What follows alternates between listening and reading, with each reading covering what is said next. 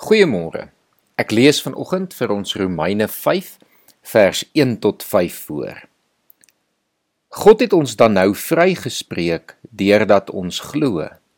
Daarom is daar nou vrede tussen ons en God deur ons Here Jesus Christus. Deur hom het ons in die geloof ook die vrye toegang verkry tot hierdie genade waarin ons nou vas staan.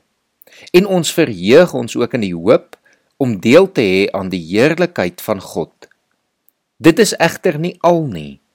Ons verheug ons ook in die swaar kry, want ons weet swaar kry kweek volharding en volharding kweek egtheid van geloof en egtheid van geloof kweek hoop en die hoop beskaam nie want God het sy liefde in ons harte uitgestort deur die Heilige Gees wat hy aan ons gegee het.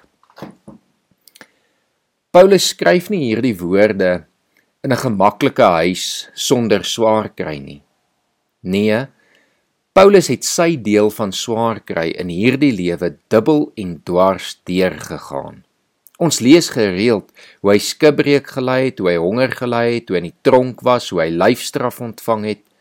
Paulus het swaar gekry as gevolg van sy geloof maar dit het hom geleer om nie die swaar kry weg te wens nie, maar eerder dit met blydskap te aanvaar. Hoekom? Want hy het agtergekom hierdie swaar kry kweek volharding by hom en laat sy geloof groei. Petrus het hierdie selfde waarheid ontdek en daarom skryf hy ook in sy brief vir ons dat ons onsself moet verheug al moet ons 'n kort tydjie bedroef gemaak word deur allerlei beproewings sodat die egtheid van ons geloof getoets kan word. Hy sê dan dat ons geloof baie kosbaarder as goud is, want goud vergaan. Maar goud moet ook getoets word met vuur en so moet die egtheid van ons geloof ook getoets word sodat dit lof en heerlikheid en eer waardig mag wees. Dit is dalk nie so lekker om vanoggend hierdie te hoor nie. Maar ongelukkig is dit deel van die lewe. Elke mens gaan deur tye van swaar kry.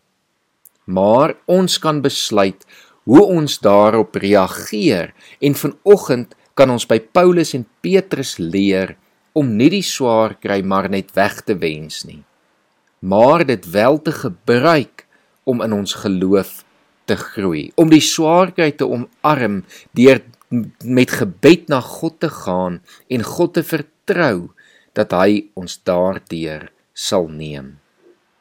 Ek weet nie watter swaar kry of toets jy vanoggend moet hanteer nie. Maar ek wil jou tog aanmoedig om nie moedeloos te wees nie.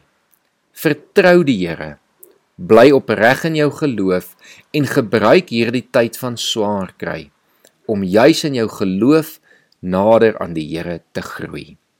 Kom ons bid saam.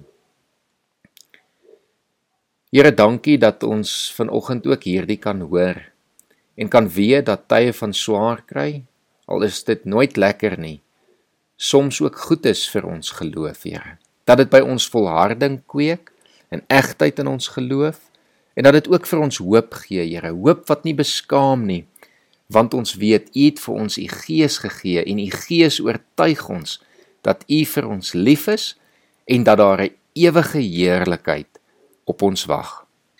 Here, ek wil kom bid vir oggend vir elke persoon wat swaar kry en wat deur 'n tyd of 'n toets moet gaan.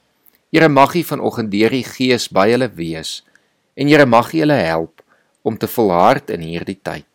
Ek bid dit in Jesus se naam. Amen.